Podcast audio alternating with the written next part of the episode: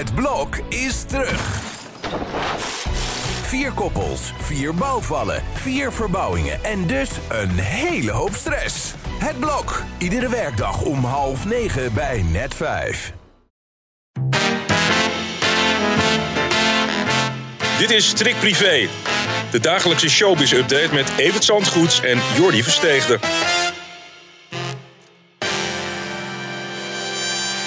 Het is de day after privé day. En wie gisteren goed gekeken heeft en niet goed geluisterd heeft, ja, die heeft ons gisteren niet gehoord, Evert. Nee, die heeft ons gemist, maar ik mis ook iemand. En daar hebben we gisteren afscheid van genomen. Dus door Hmm. privéomstandigheden stond het hoofd gisteren niet naar de podcast. Maar ja, nou ja, eh, life goes on. En eh, daar zijn we weer vandaag. We gaan het uitgebreid eh, goed maken met eh, de luisteraar. Eh, jij komt net achter je tv vandaan, want je zit Och, te zit kijken. er middenin hoor. Ja, Ja. Het, is, het is prachtig gemaakt, de serie over Harry en Meghan. En ik moet zeggen dat, ja, dat, het is toch wel heel erg leuk om te zien. Al die privéopnamen. Nooit eerder vertoonde beelden van het begin van hun relatie. Vooral in de eerste aflevering. Mhm. En de tweede, dan komt het heikele onderwerp, het racisme, eh, te, langzaam te sprake. En ja, het is, het is wel een aanrader tot nu toe. Nog schokkende onthullingen ben ik nog niet tegengekomen. Maar het is een onderhoudend programma met eh, prachtige beelden. Mooi gemaakt. En een geweldige actrice in de hoofdrol. En hoe lang duurt zo'n aflevering eigenlijk? Een uur bijna, dus Oh. eh, het is de moeite waard. Drie uur lang kun je, eh, kun je er tegenaan vandaag. En volgende week donderdag nog een keer. Dus het is vrij uitgebreid, moet ik zeggen. En ehm, daar wordt dus onder andere onthuld, heb ik gelezen, want ik heb hem nog niet kunnen zien. Maar dat Harry te laat was op zijn eerste date. Hoe zat dat? Ja, en zij op, en zij op de tweede. Dat is wel een eh, geestig verhaal en zo. En hij, hij, ja, hij vertelt dat zelf op een hele leuke manier. En eh, dat is een, een- echt een van de ontwapenende momenten in die serie. Mhm. Met eh, verder een, een, ja, een geweldige actrice in de hoofdrol. Meghan natuurlijk.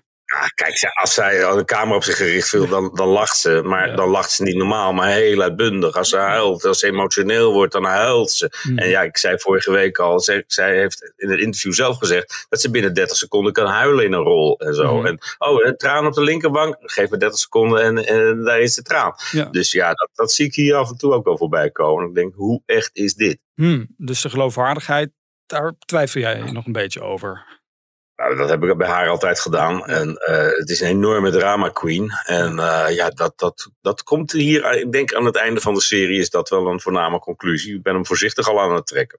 Wat is het nou voor dag voor de Britse monarchie? Want het, dit moet toch ook wel gewoon een hele trieste dag zijn voor dat Ja, koningshuis. je probeert je voor te stellen hoe daar nu naar gekeken wordt binnen Ja. de paleizen. En Ja. ja. reken maar dat eh, Beatrice en Eugenie, hè, de kinderen van prins Andrew, er natuurlijk eh, samen naar zitten te kijken. Die commentaarlink zou ik wel willen hebben. en eh, ja, en, en, en iedereen zal binnen de paleizen kennis nemen van wat er gezegd wordt. Schokkend nogmaals is het tot nu toe niet. Nee. Maar ja, wie weet wat er allemaal nog komt. Wie iets minder over het algemeen zegt over haar familie in de media is Roxanne Hazes. Ik maak maar even een bruggetje, maar nu heeft ze toch wel een klein dingetje losgelaten. Hè?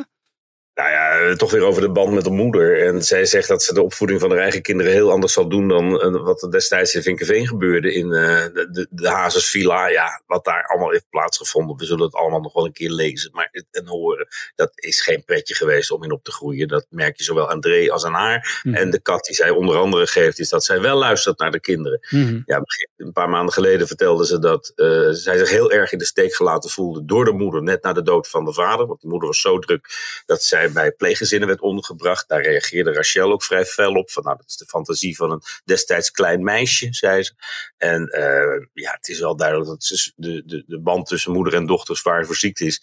En dat die ook niet 1, 2, 3 hersteld gaat worden in het nieuwe jaar. Het zou toch mooi zijn als we daar een keer een documentaire over zien. Over die hele familie. We hebben nu natuurlijk André Hazes gehad. Maar dat we gewoon in één documentaire te zien krijgen. wat zich daar nou allemaal heeft afgespeeld. Dat ben ik nog wel eens benieuwd Ja. naar.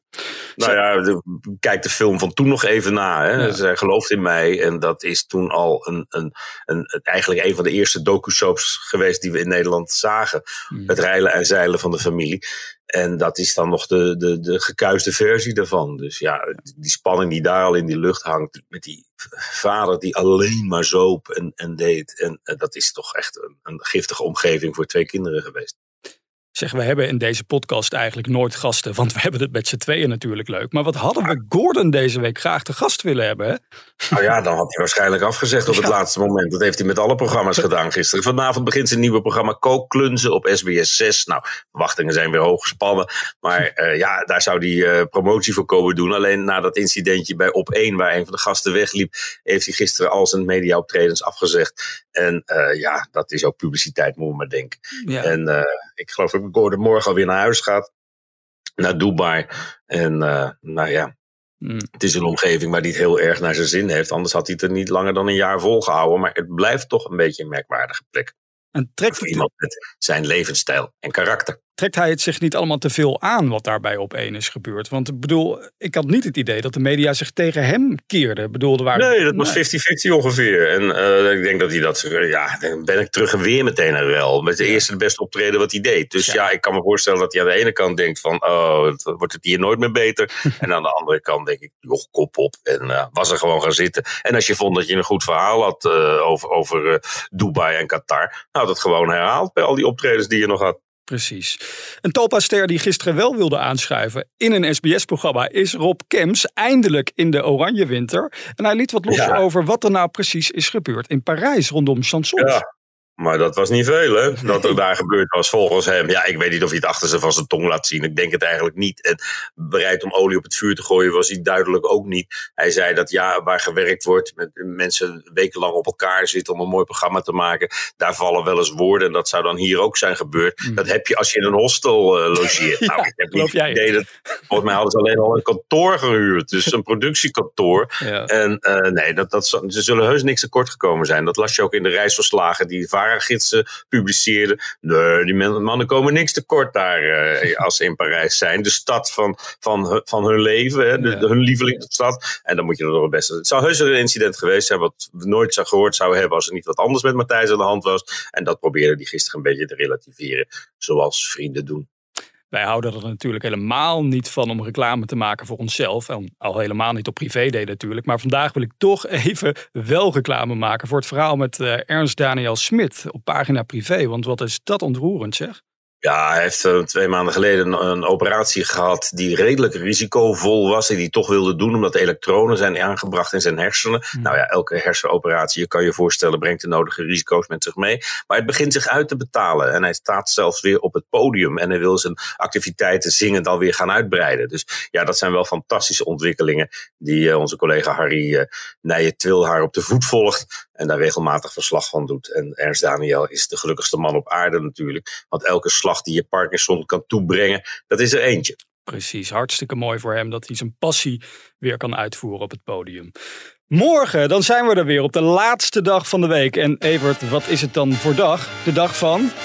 Ja, dan kunnen de mensen weer van de persconferentie. Hè? De nationale persconferentie. Dus uh, dat gaan we dan morgen weer doen. Ben benieuwd waar ze mee komen. Podcast.telegraaf.nl. Stuur daar je vragen naartoe. Nou, succes met kijken verder naar Harry en Meghan. We spreken elkaar morgen. Ik ben weer weg. Hoi.